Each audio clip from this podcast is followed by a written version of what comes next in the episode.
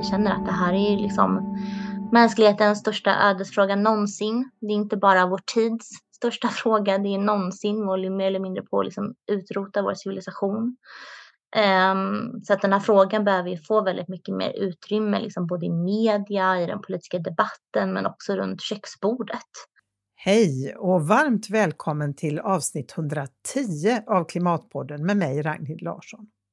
Här får du möta forskare, aktivister, författare, journalister, psykologer, lärare, ingenjörer, ekobönder, omställare och alla andra som på en mängd olika sätt engagerar sig för att mildra de allra värsta effekterna av klimatkatastrofen. Media spelar förstås en helt avgörande roll för att vi ska förstå hur allvarlig klimatkrisen är. Och för att visa på möjliga lösningar och inte minst ställa politikerna till svars för den förda eller icke förda klimatpolitiken. Därför känns det extra fint att få presentera dagens gäster Yrsa Lindberg och Erik Wahlström som är med och driver Klimatgranskaren. Vi träffades på Zoom den 30 oktober förra året för att prata om Klimatgranskaren och varför den behövs. Klimatgranskaren är en sajt som granskar klimatpolitiken och följer utvecklingen för vår planet och beskriver sig som din ficklampa i klimatmörkret. Alla som skriver för Klimatgranskaren jobbar ideellt på olika håll inom miljörörelsen och skriver om miljö och klimatnyheter och riktar fokus mot våra makthavare. Och det är ju verkligen något som behövs, eller hur? Det finns ju väldigt många duktiga klimatjournalister, men tyvärr alldeles för få kunniga politikjournalister som ställer politikerna till svars. När en ny forskningsrapport förklarar att förra sommaren var den varmaste som någonsin uppmätts borde det förstås vara självklart att samtliga partiledare får svara på vad de tänker göra för att hejda den skenande uppvärmningen. Men icke. Så därför blev jag väldigt glad när Klimatgranskaren lanserade sin sajt. Äntligen någon som granskar klimatpolitiken och som ofta gör det med välbehövlig humor. Så mitt tips är såklart att börja följa Klimatgranskaren på Instagram och X, före detta Twitter. Eh, på hemsidan klimatgranskaren.se kan du också prenumerera på deras nyhetsbrev. Förhoppningsvis kan också Klimatpodden fungera som inspiration och upplysning om klimatkrisen. Och om du vill stötta arbetet med att göra podden så går det jättebra att sätta in en valfri summa på Klimatpoddens nya Swish-konto 123 279 8692. Och ett stort varmt tack till alla er som valt att stötta Klimatpodden sen sist. Kom ihåg att höra av dig med synpunkter och förslag på gäster i kommande avsnitt.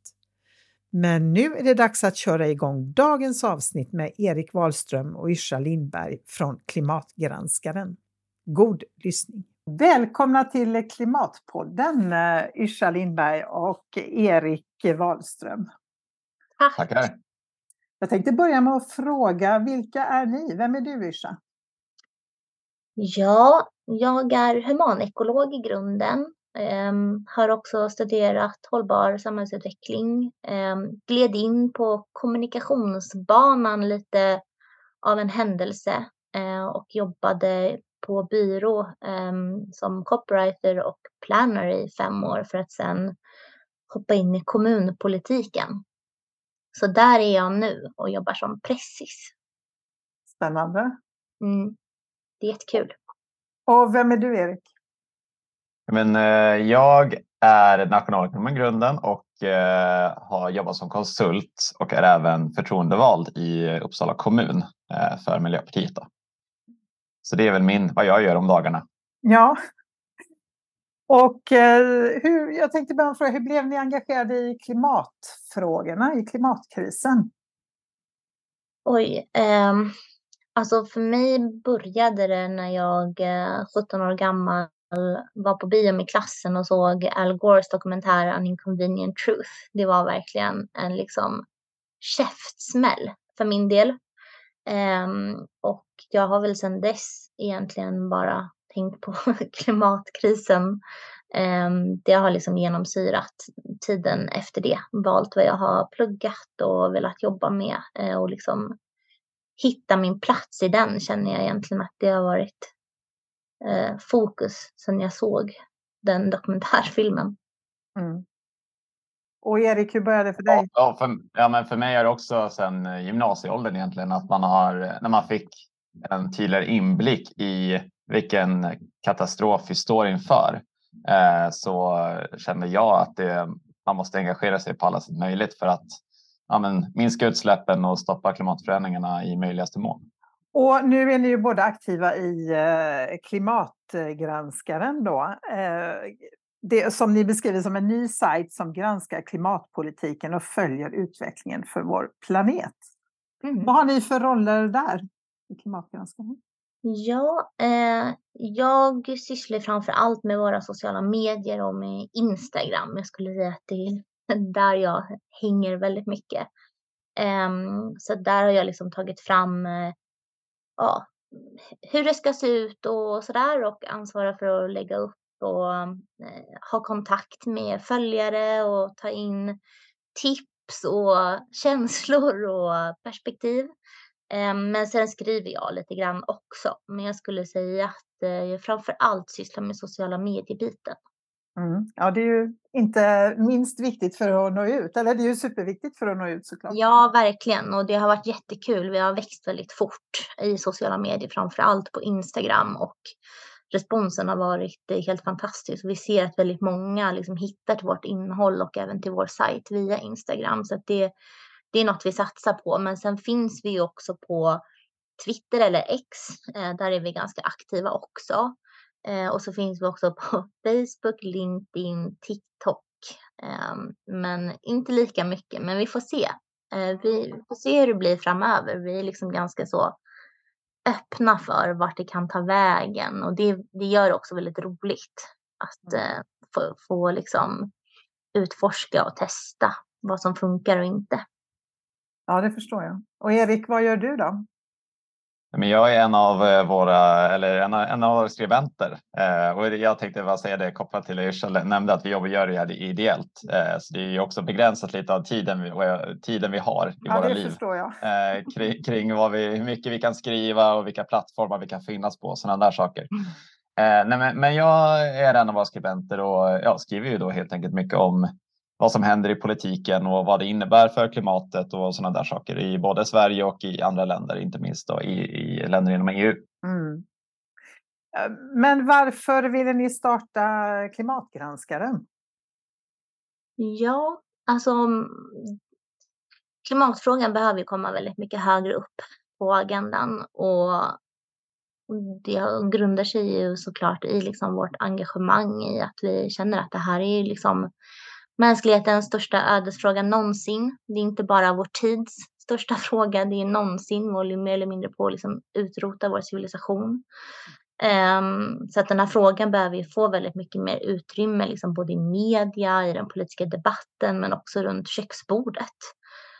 Och jag tror att det blev väldigt tydligt för oss, men för många andra som vi liksom också pratar med, att klimatet och miljön hamnade ju otroligt mycket i skymundan under valrörelsen. Och den reducerades också till liksom en diskussion om energislag, vilket i alla fall för min del var otroligt frustrerande.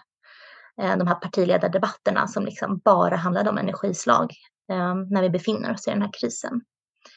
Så att vi kände väl att det liksom finns ett behov av att lyfta flera olika aspekter och bemöta väldigt mycket av den desinformationen som också man ser i de här frågorna.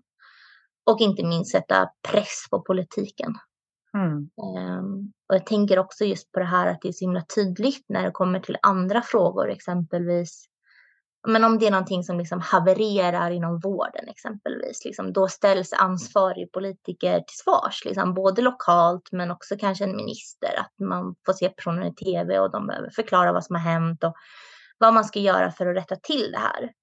Ehm, men så är det inte när det kommer till klimatfrågan, utan vi får en rapport om att det slås liksom värmerekord på värmerekord. Som nu i september där man liksom mätte att vi har stigit över 1,5 grader. Ehm, Mm. Det, det, är ingen minister som behöver stå till svars för det och säga vad man ska göra åt saken för det. Så på ett sätt behöver ju liksom det som sker, klimatförändringarna som vi ser, behöver ju komma närmare politiken. Mm.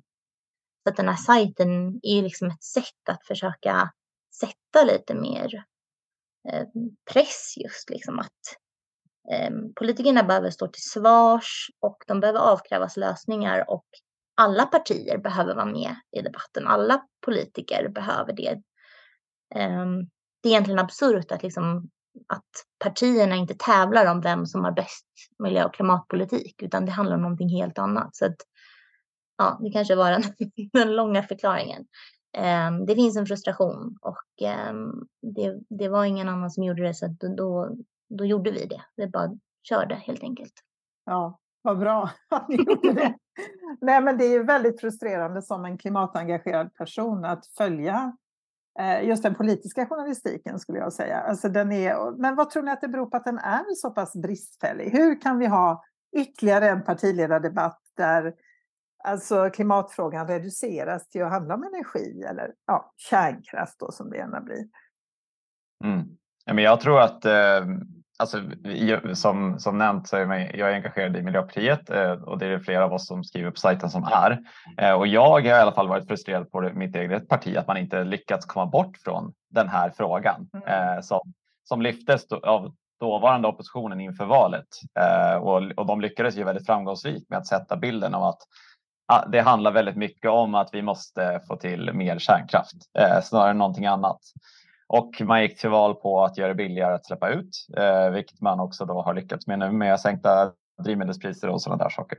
Eh, samtidigt då som, som Mischa nämnde att det sker de här katastroferna i, i vår omvärld eh, med, med koppling till klimatet så, så sker det ingen debatt i, i eller det sker ingen stor debatt i Sverige liksom, kopplat till varför, får regeringen, eh, varför tillåts regeringen att öka utsläppen i en sån tid?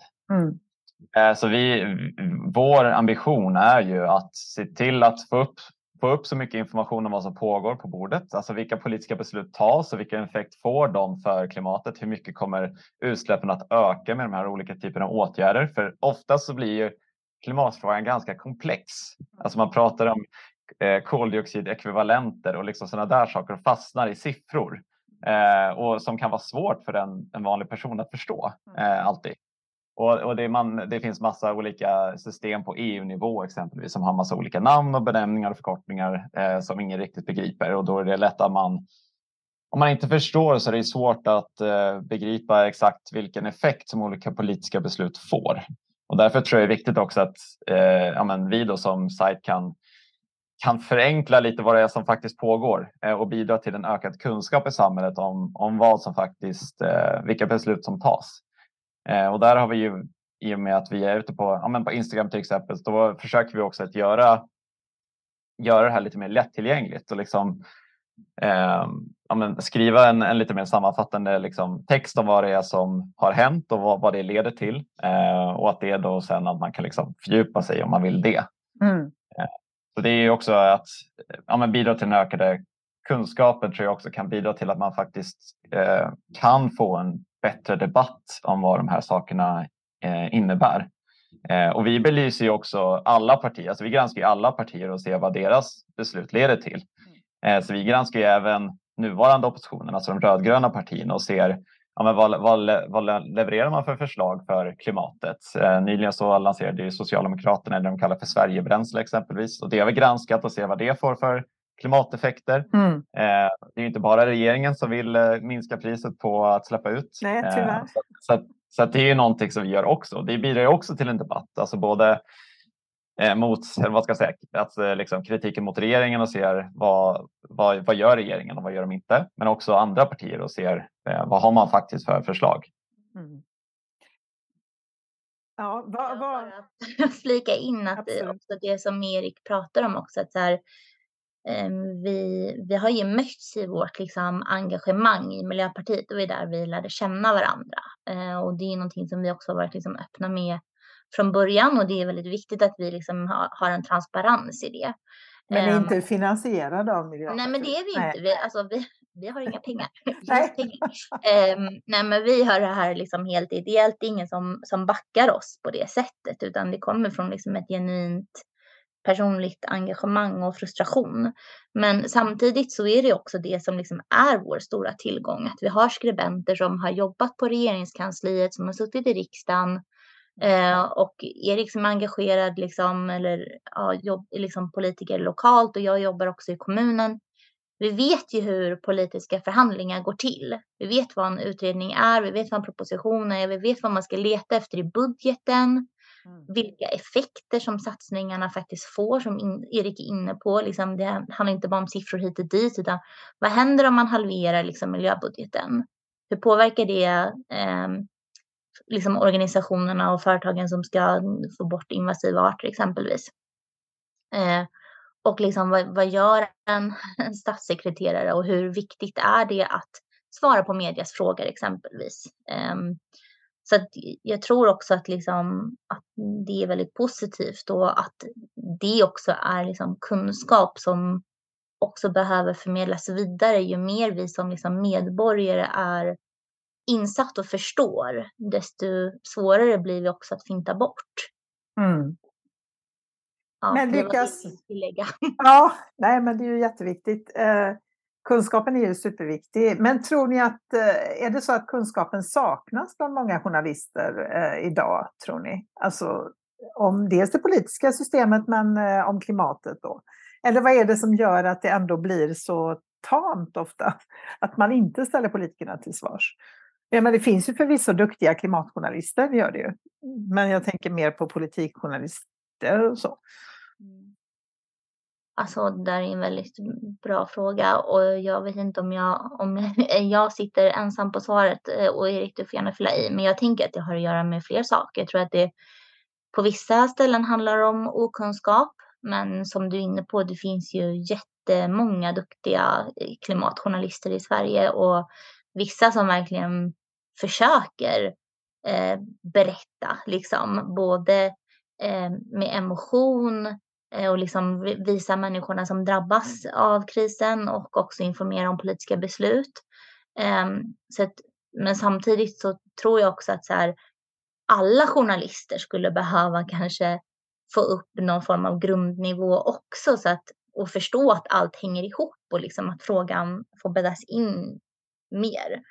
Men sen tror jag också att det är en utmaning i liksom att nå ut överlag och jag tror också att det är någonting som är väldigt tydligt, alltså varför energifrågan också blev så central i, under valrörelsen är för att där det finns en stark konflikt, det är det som, för, eller som, som liksom media vill skriva om, det är det människor vill läsa om.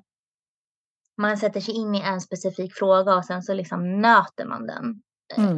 Som Erik är inne på också, att så här, det är i många fall komplext. Det är inte för komplext, det betyder inte att vi inte kan förstå den. Jag tycker att det är lite farligt att bara prata om frågans komplexitet hela tiden också, för jag tror att det avskrämmer människor från att våga lära sig att man tror att det ska vara för svårt att förstå. Och jag tror att det narrativet kan vara lite farligt också. Men, men det är ändå många olika frågor som ryms i den här frågan. Jag tror liksom att så som media funkar så är det ganska svårt att inrymma allt på en gång. Mm. Eh, och sen så är ju liksom medierna är ju företag också, de vill tjäna pengar, de vill sälja klick. Det är ju också en jättestor aspekt i det här eh, som man inte får, får glömma heller. Så jag tror att det är jättemånga olika saker. Erik, mm. har du något mer smart att tillägga? nej, men, nej, men jag tänker att det verkligen handlar mycket om eh, nivån av eh, politisk konflikt, alltså som du nämner Isha, att eh, det, när man framgångsrikt lyckades reducera klimatfrågan till att bara handla om kärnkraft, då var det ju också dit som fokuset hamnade, för det var det som blev konflikten. Eh, som man kan argumentera för om det verkligen finns eller inte. Eh, men men eh, och därigenom tror jag att när vi då genom våra granskningar belyser andra frågor inom klimatområdet och miljöområdet, då möjliggör vi också för eh, ja, möjliggör för konflikt i andra delar av klimatfrågan. Och vi ser ju också att när vi väljer att granska vissa saker så kommer det också eh, på, något, på något sätt så kommer det upp i andra tidningar också. Ja. Eh, sen om de läser oss eller om de eh, bara får nys om det här som vi gör på andra sätt, det vet vi inte. Men Eh, men vi märker ju att när vi skriver om någonting, om vi är först med någonting exempelvis, då kommer det också komma ut till andra tidningar och sen sprider sig på den vägen. Så att i viss mån så handlar det ju om eh, kunskapen även hos journalister. Alltså man, det är, jag tänker att journalister är också människor som kanske inte kan ha koll på allting hela tiden. Eh, och där måste vi också se till att ja, men när vi belyser olika saker som händer inom EU exempelvis, eh, apropå liksom, eh, journalister som kanske inte får komma till tals hela tiden, på, där har vi i hela EU-systemet så finns det en väldigt bristande eh, rapportering skulle jag säga, mm. eh, med allting som sker där. Och det är ju jättemycket saker eh, och även i andra länder inom EU hur, hur man väljer att utforma eh, men transportsystemen i olika länder exempelvis. Hur man jobbar med att göra det billigare att åka kollektivt eh, i olika länder. Det, det är ju saker som inte kommer fram i, i svenska kontexten och, och, vi märker att när vi skriver om de här positiva sakerna man gör för att förenkla omställningen i andra länder exempelvis. Det drar väldigt mycket läsare och man är väldigt intresserad av att se hur andra länder väljer att utforma sin klimatpolitik. Mm. Eh, och det är också någonting som jag tycker att vi har varit liksom, ganska dåliga på att dra lärdomar av i Sverige. Man pratar ju väldigt mycket om hur eh, att Danmark är väldigt bra på många områden, eh, liksom, områden i andra frågor. Eh, men vi pratar liksom inte om att ja, men Tyskland hade det här med liksom sitt kollektivtrafikkort under sommaren exempelvis. Eh, där ju, finns det ju förslag från både vänster, Vänsterpartiet och Miljöpartiet om att införa ett liknande system i Sverige. Men liksom det, det här eh, kommer inte liksom upp på samma sätt i, i debatten eh, som jag tycker det gör i andra frågor, hur andra länder arbetar. Eh, och så när vi skriver om de sakerna också så är det klart att då får ju också andra politiker nys, eller jag vill säga, andra journalister eh, nys om detta och kan skriva vidare om det. Oh. Nej, men det är ju, jag tror att det är jätteviktigt och just jag tror att det finns också en, eh, vad ska jag säga, en längtan och ett behov av lösningar. Alltså vad kan vi göra? För att nu känns det ju väldigt mycket som att det är ett stort mörker och det är lätt att känna någon sorts hopplöshet ju, eh, om man tar till sig hur eh, djup den här klimatkrisen eller klimatkatastrofen faktiskt är. Så jag tror att det är superviktigt i det lilla, liksom, det stora och det lilla, men eh, verkligen. Eh, vad heter det, får ni, har ni fått några reaktioner från de ni granskar, då, politikerna? Märker ni något? Han ju hetta till på Twitter eller X mm. ibland. Ursäkta. Um, där är det ju ministrar, vissa ministrar som liksom kan gå in i trådar och bli lite galna och försöka tona ner och även pressisar till ministrar kan vara aktiva. Um, det kan vara ganska roligt att spana in uh, hur hårt de liksom jobbar för att um, försöka få folk att tro att det som sker inte sker. Men um, jag skulle inte säga att det, liksom, det är ingen som har liksom ringt upp eller det är liksom inget sånt där som har skett bakom. Uh, utan det är i så fall på Twitter. Mm. Mm. Inte som... Ja, re regeringen är ju ganska måna om att eh, ja, historieberättandet här, man ska säga, eh, att det ska vara till, eh, på ett visst sätt. Jag menar, vi, alltinget nyligen eh, skrev ju om hur de eh, blev påverkade av eh, vissa pressekreterare och eh, liksom olika delar av regeringen för att ändra sina rubriksättningar och liksom skriva på ett visst sätt som var i linje med vad de ville få fram. Just det.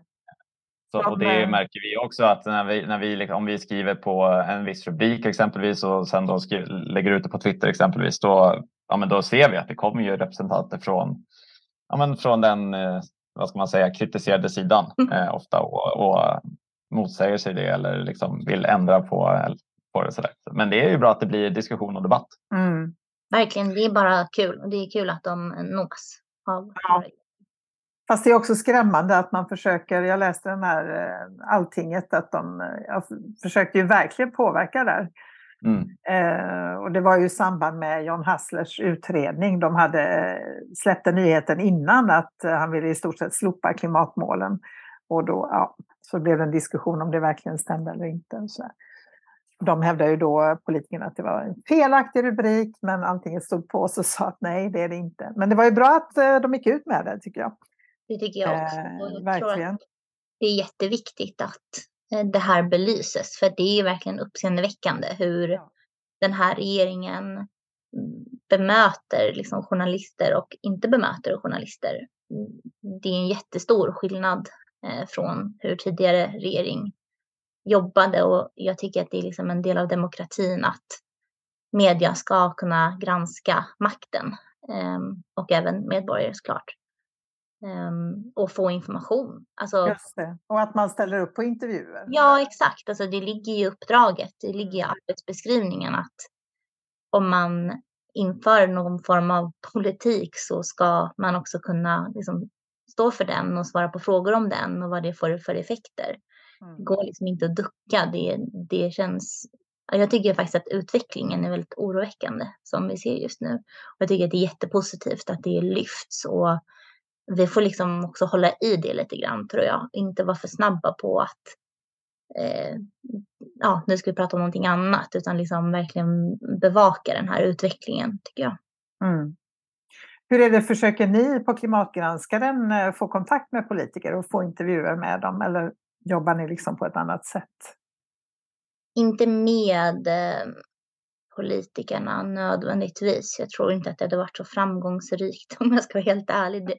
Vi gör ju det här som Erik var inne på, liksom på vår fritid och eh, att jaga ministrar exempelvis känns eh, som ett dåligt sätt att lägga vår tid på, uppenbarligen. Eh, men vi, så det händer ju liksom att vi, alltså vi granskar på andra sätt. Vi pratar med andra och vi läser ju liksom det finstilta i, i offentligt material och det är mer det sättet som vi granskar politiken skulle jag säga. Men också att lyfta liksom nyheter som vi ser, eh, som Erik också var inne på, alltså saker som händer runt om i världen. Eh, och berätta just de här liksom positiva sakerna också som sker runt omkring och ge mer kraft. Det tror jag liksom att den gröna rörelsen också behöver bli bättre på, att liksom eka eh, samma budskap. Eh, för om det är någonting man också lär sig när man jobbar i politiken är att man måste, måste liksom eh, nöta lite samma sak om och om igen för att det ska sätta sig. Mm. Eh, och där tror jag att vi i gröna rörelsen skulle kunna bli bättre på att hitta liksom ett gemensamt narrativ som vi eh, nöter lite mer och att vi liksom möts i våra likheter och det vi tycker likadant om snarare än att fokusera på våra olikheter och där vi tycker olika. Och jag tror verkligen också som ni båda var inne på vikten av att också berätta positiva berättelser om vad som sker för att det händer otroligt mycket mm. positiva saker också runt omkring och det får vi inte glömma och också saker som kan göra att samhället blir bättre. Just det. Ehm, det behöver inte vara uppoffringar, vilket jag tycker att Ehm, det finns en berättelse om också som jag tror är väldigt farlig. Jag tror att snarare så här, min vision för framtiden är ju snarare att man kommer se tillbaka och tänka så här, varför höll vi så hårt i de här grejerna? Det var inte, vi var inte ens lyckliga, vi mådde inte bra och världen mådde inte bra. Jag tror att, um, ja, det skulle jag vilja att vi pratade mer om faktiskt. Och det är också någonting som jag vet att IPCCs nya chef pratar om och även Johan Rockström, att vi liksom, ja, vi ska inte sluta prata om allvaret och lyfta det som sker. Men vi måste också parallellt samtidigt kunna prata om det positiva och var vi ska och hur det kan se ut. Mm. För att liksom kunna driva på den här omställningen. Ja, jag nu babblar jag på massa allt möjligt här. Nej, men jag tror att det är superviktigt för att det är väldigt svårt att veta, ta ut en riktning om vi inte vet vart vi är på väg eller har några föreställningar. Men det är ju som att vi är väldigt fast i det här systemet vi lever i nu. Eh, så jag tror också det, att vi behöver berätta om andra sätt att organisera samhället. Eh, jag menar eh, ekonomiska modeller och sånt där. Andra ekonomiska modeller och så, det finns ju. Verkligen. Men det är också svårt för så fort man ifrågasätter rådande system så blir man kallad kommunist. Men... Jag vet. Vill du ha planekonomi? Verkligen. Ja, ja. Annat att välja på. Nej, men så att det, det tänker jag att där har ju media en jättestor eh, roll att fylla, eller viktig uppgift liksom, att lyfta fram de andra alternativen. För det blir ju så, men debatten är ju överhuvudtaget extremt polariserad just nu, så det blir liksom när man pratar om alternativ så är det som du säger, då blir man inmålad i ett hörn liksom. Mm. Av att vara vänsterextremist eller klimatextremist, extremist av något slag. Mm. Militant miljömupp. Ja. ja, vi har hört allt. Men jag kan lägga till där bara, jag tänker att också bristen på eh, lösningar är också det som bidrar till att många blir väldigt frustrerade. Alltså vi ser ju med, all, med de här olika typerna av miljöaktioner eh, grundar sig i frustration över att man inte gör tillräckligt inom politiken. Eh, och jag menar, vi har ju inte gjort tillräckligt, någon regering skulle jag säga, utan vi vill ju alltid, eh, liksom, det måste ju göras mycket mer för att vi ska nå eh, klimatmålen. Mm. Eh, och där så, alltså, en del är ju att eh, kritisera det, det som det, det, liksom, det är för lite som görs. Men då måste man också komma med någonting annat och se vad är det vi kan göra. Då? Och det är ju det som vi Eh, också vill belysa. Både liksom att kritisera det, det eh, liksom fattiga arbetet som görs på klimatområdet eller att det går i motsatt riktning. Men också då det visar på hur har andra länder gjort? Eh, vad kan man göra för att faktiskt eh, nå klimatmålen i högre mån? Ja, nej, jag tror att det är väldigt, väldigt viktigt. Um, vad, vad granskar ni just nu? Vad håller ni på med just nu? Kan ja. alltså jag skulle säga att vi jobbar väldigt så snabbt. Att vi, um, vi alla är väldigt politiskt intresserade och intresserade av liksom klimat och, och rättvisefrågan på olika sätt. Jag skulle säga att tillsammans har vi en väldigt bra omvärldskoll och feedar alltid in liksom nyheter till varandra i en chatt vi har. Liksom. Kolla här, kolla här och så skriver någon jag tar den, jag tar den. Så att, um, det är sällan liksom långtgående planerat.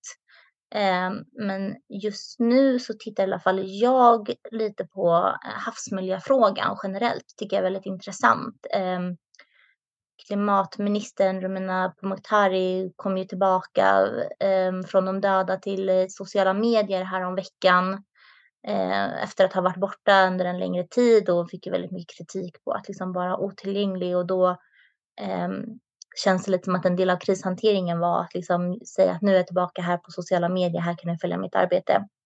Och då var faktiskt första inlägget både på Instagram och LinkedIn Um, att hon var och plockade ostron på västkusten och gjorde en intervju och det här gjorde henne väldigt glad för nu hade hon äntligen möjlighet att fokusera på havsmiljöfrågan som är hennes hjärtefråga. Och um, det tycker jag är väldigt intressant um, om man tittar på hur mycket liksom de har skurit i, i pengar till havsmiljö. Man har tagit bort liksom, ehm, havsmiljöpropositionen som, som var planerad.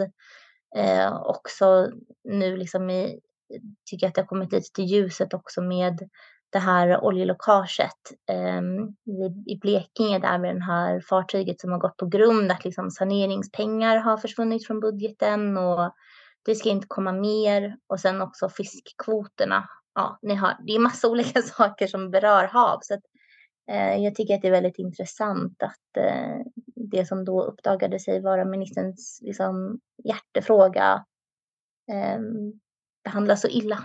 Eh, så det, det tittar jag lite grann på. En lång utläggning om vad som är aktuellt i min hjärna just nu. Ja, spännande.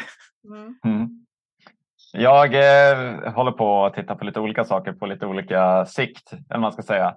Eh, dels så jag håller på att titta igenom vad, exakt vad Moderaterna tog för beslut på sin partistämma eh, som de hade och se hur det är kopplat till eh, klimatfrågan. De slår sig ofta för bröstet för att vara den gröna högern eh, och då får man ju kanske granska lite exakt hur det står till. Som är bland annat eh, en intensiv vindkraftsdiskussion eh, där man vill, ja, man säger sig vara teknikneutral i energifrågan, men man kan ju ifrågasätta hur det där faktiskt är. Mm.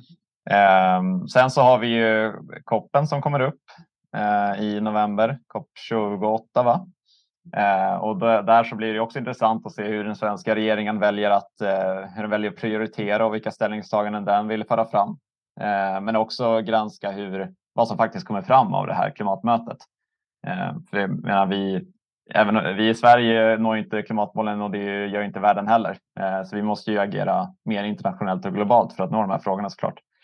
Eh, men sen på längre sikt så är ju EU-valet nästa år som kommer vara väldigt viktigt för att eh, säkerställa att vi når klimatmålen på EU-nivå. Och där blir det också eh, väldigt viktigt för att se jag menar nu när den svenska regeringen eh, gör så mycket som går i motsatt riktning så är det ju ännu viktigare att EU-regelverket håller eh, och säkerställer att det blir krav på Sverige att faktiskt ställa om oavsett vad vår regeringen tycker så, så det blir en oerhört viktig, eh, ett viktigt val. Eh, och jag hoppas att klimatfrågan blir någonting mer än bara en kärnkraftsfråga i det valet. Mm. Och jag är fan jävligt nervös för EU-valet om jag ska vara helt ärlig. Alltså, ursäkta att jag svär, det händer. Men ehm, alltså högern och framförallt extremhögern förväntas ju gå fram väldigt starkt i det valet och då är ju många saker hotade, men framför allt också eh, miljö och klimatfrågan och demokrati och rättvisa och mänskliga rättigheter. Det känns väldigt mörkt, så jag tror verkligen att eh, det är någonting som vi alla gemensamt kommer behöva lyfta tillsammans och verkligen se till att folk går och röstar och eh, röstar för något annat. Mm. Faktiskt. Och hjälps åt att granska också vad de svenska partierna faktiskt driver i EU. Vilket inte alltid är helt lätt. Jag tycker själv att det är ganska svårt att navigera i liksom EU-politiken. Bara hem, hemsidorna och allting är ganska svårt. Så att, eh, ja, det behövs göras ett jobb där. Men sen tänker jag också klimathandlingsplanen. Just det. Eh, är ju också snart här. Det ska bli otroligt intressant att se vad den landar i. Eh, det som från början då skulle vara en proposition som nu blir en skrivelse så det blir liksom inte några konkreta beslut eller förslag till beslut som läggs fram till riksdagen, eh, vilket också innebär vad jag förstår mindre debatt och. Just det. Man kanske inte, man vill inte ha debatt, men, men vad innebär det att det är en skrivelse? Alltså vad, vad får den för tyngd liksom? Ja, egentligen inte så mycket tyngd alls. Så, utan det är ju just bara, ja, det, är en, ett, det blir en pappersprodukt mm. eh, som man kan ja, beakta lite hur man vill. Och det, är också, det blir också intressant vad man ändå ger den för innehåll. Eh, jag menar, det skiljer sig, kan ju skilja sig väldigt mycket åt eh, i hur tydligt man skriver olika ställningstaganden och olika åtgärder. Eh, det kan ju lätt eh, fastna i bara fluffig text ja, eh, som inte betyder någonting konkret. Och det är inte riktigt vad klimatet behöver just nu om man säger så. Eh, och det blir också intressant i, i och med handlingsplanen närmare hur eh, John, Hass, John Hasslers olika förslag som han presenterade i den här klimatutredningen, hur de tas i beaktande i eh, den här handlingsplanen. För det vill ju inte miljö och klimatministern riktigt svara på under pressträffen, hur man skulle ta de här eh, de här väldigt många åtgärderna som John Hassler ändå föreslog, hur de ska tas i beaktande eh, och vad man kommer komma fram till. Mm. Så att det blir väldigt intressant att se eh, Eh, och se vad man, vad man planerar för. Men jag menar, vi har ju vi ser ju budgeten, vad man lägger pengar på och inte och det är väldigt mycket som saknas där. Eh, och handlingsplanen kan ju, kan ju bli ett, ett tillägg till vad man ska göra men i slutändan så handlar det väldigt mycket ofta om pengar eh, och finns det inte budgeten då är det ju inte med. Nej. Och den var ju också, själva hans utredning var också skriven på ett sätt som gjorde den extremt snårig och svårbegriplig och luddig. Och, mm. eh, jag har en god vän, Björn Paxling, som skrev en, eh, först skrev han ett eh, kilometerlångt inlägg på Facebook för han gick verkligen in för att läsa den. Och, eh, men sen fick han göra en lite kortare variant för Supermiljöbloggen. Men den kan jag mm. rekommendera, den var väldigt klargörande tyckte jag. För att det blev så här svårt, men vad, vad är det egentligen han vill och vad är det egentligen... Eh, ja, och där tänker jag har ju också media ett stort ansvar, liksom, att verkligen då reda ut de här frågorna så att man förstår. För att eh, det kan ju vara med, det vet inte jag, men det kändes ju som att det var lite medvetet luddigt. Liksom. Mm. Vad tror ni krävs då för att granskningen av klimatpolitiken ska bli bättre och mer begriplig för oss som läser och tittar och så? Nej, men alltså, jag tror att det som, som vi var inne på lite tidigare, att det handlar mycket om att eh, det ska bli ett större medialt intresse för klimatfrågan. Eh, och då krävs det ju eh, för att det ska funka i liksom, medielogiken som vi lever i så krävs det en, en tydligare konflikt mm. eh, i den här frågan. Jag menar, som inte bara handlar om kärnkraft eller inte. Eh, för den har man tröttnat på lite nu. Eh, I alla fall jag ja. har tröttnat på den så länge. eh, och, och, då är frågan, ja, men vad görs då i, i övrigt? Liksom? Vad, vad kommer den här handlingsplanen innehålla? Hur konkreta kommer insatserna vara exempelvis? Vad tycker oppositionen om de här frågorna? Vad tycker eh, det ledande oppositionspartiet Socialdemokraterna om de här olika åtgärderna? Man har ju varit ganska enligt min mening ganska liksom tam i att komma med motförslag. Ja, verkligen. mot vad regeringen föreslår. Mm. Och, det, och när, vi, när det inte finns några motförslag, ja, men då blir det ju ingen konflikt.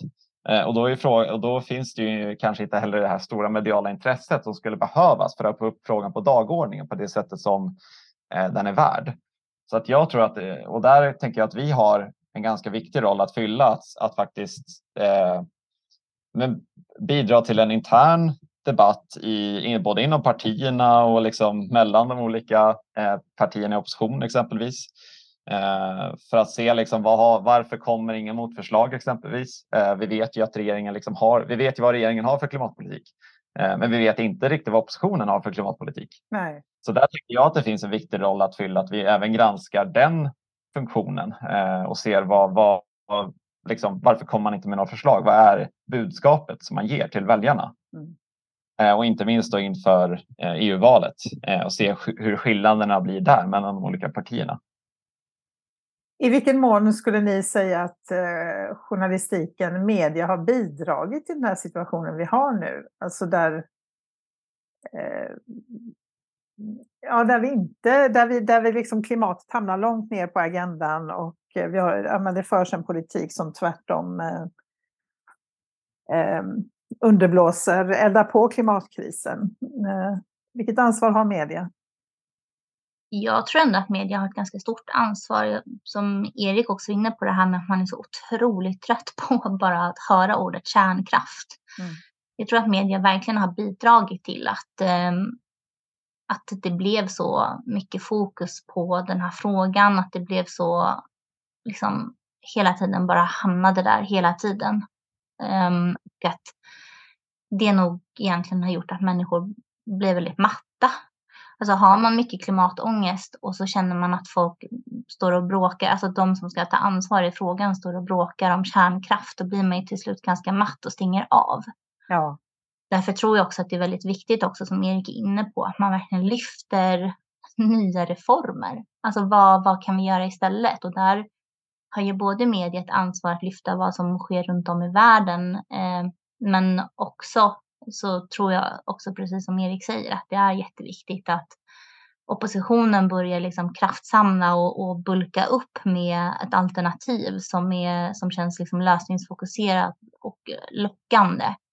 Eh, där man verkligen får med sig människor i omställningen. Så att felet går att peka på många, men, men jag tror absolut att eh, media har ett stort ansvar i att människor känner sig rätt trötta och att politikerna kan fortsätta stå och säga samma sak. Jag tycker det blev väldigt tydligt i många partiledardebatter under valrörelsen att jag bara kände nu får de stoppa. Alltså nu får de ju hitta, eller hitta, eller ett, nytt, hitta ett nytt format. Alltså ja. hur, hur, svårt kan det vara? Ja. Det är någonting här som inte funkar. Nej, men jag tänker också det att det handlar väldigt mycket om formatet. Jag vet för det var inte den här valrörelsen, det var tidigare.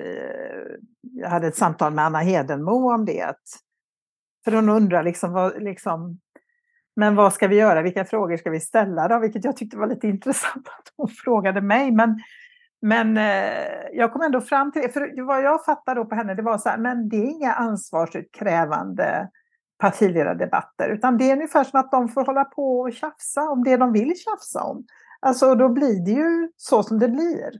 Och då tänker jag också, precis som du, men då, när man märker att det bara handlar om kärnkraft, då kanske man får ändra det formatet. Mm. Alltså göra på ett annat sätt.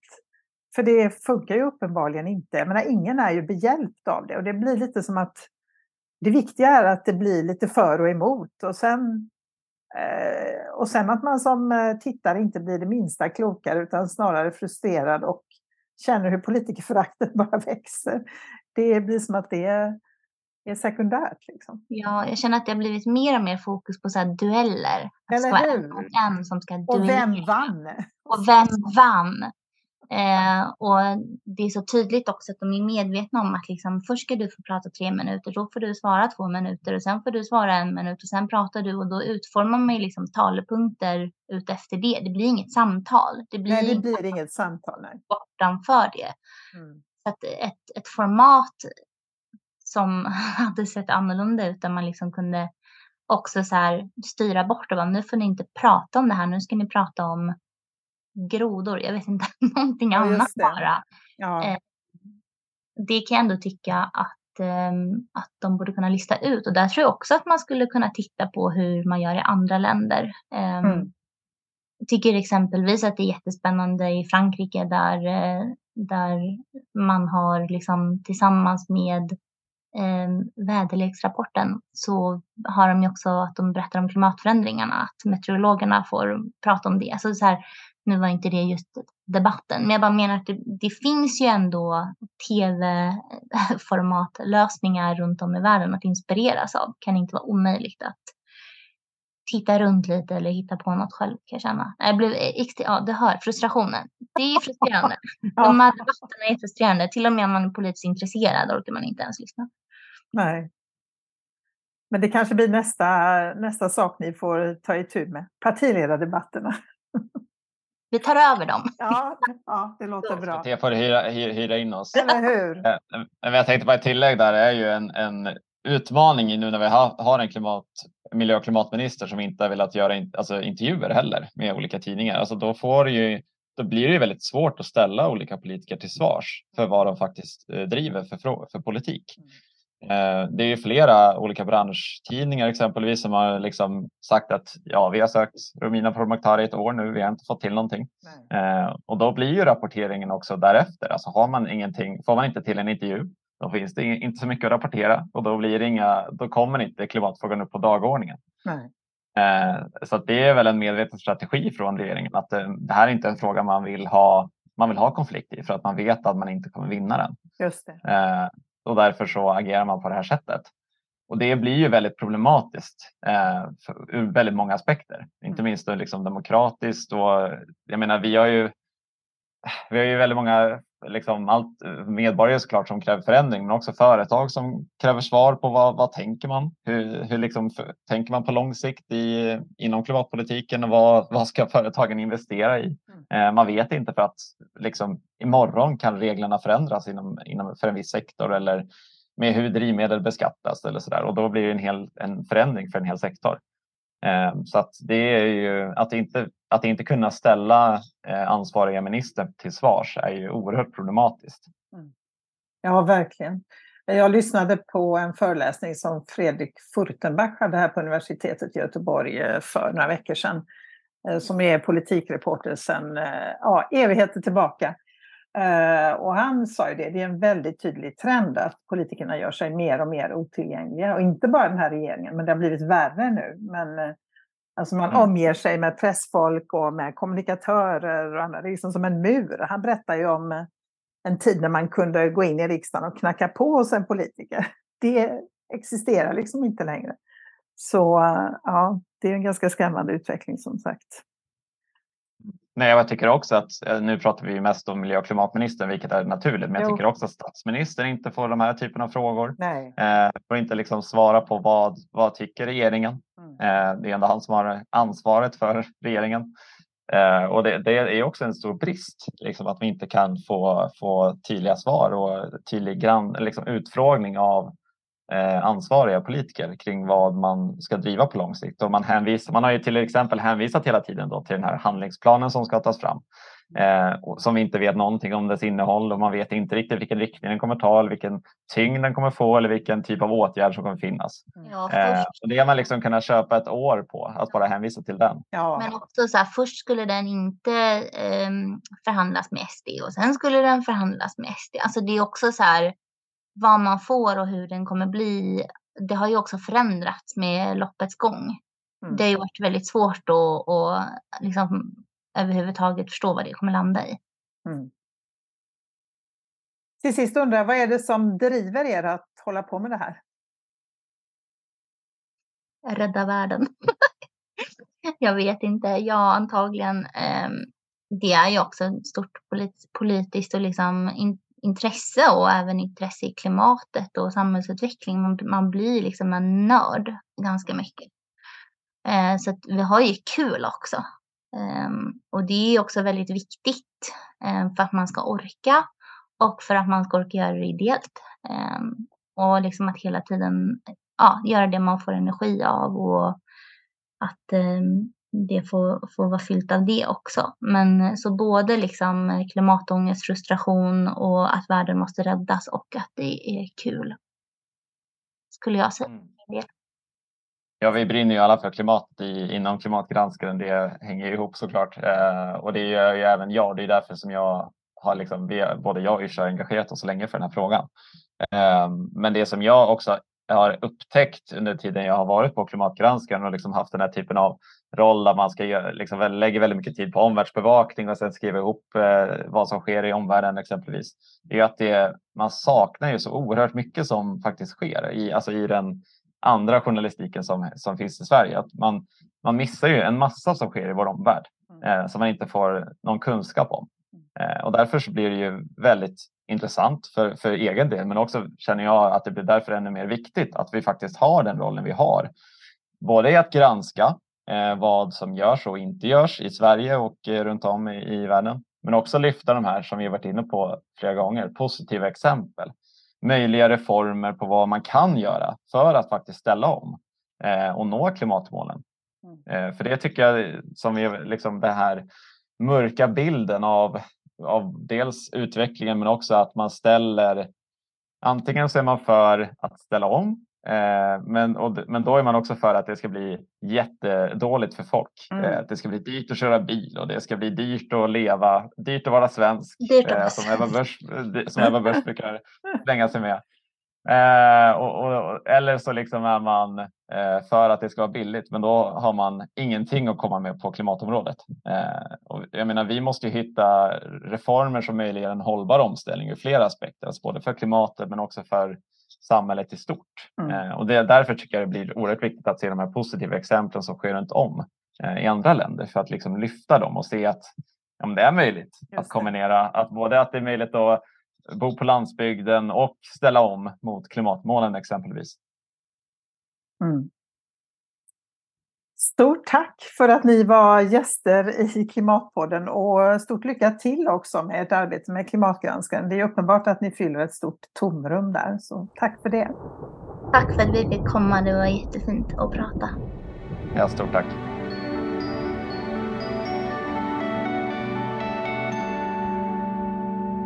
Du har lyssnat på Klimatpodden som produceras av Konvoj Produktion.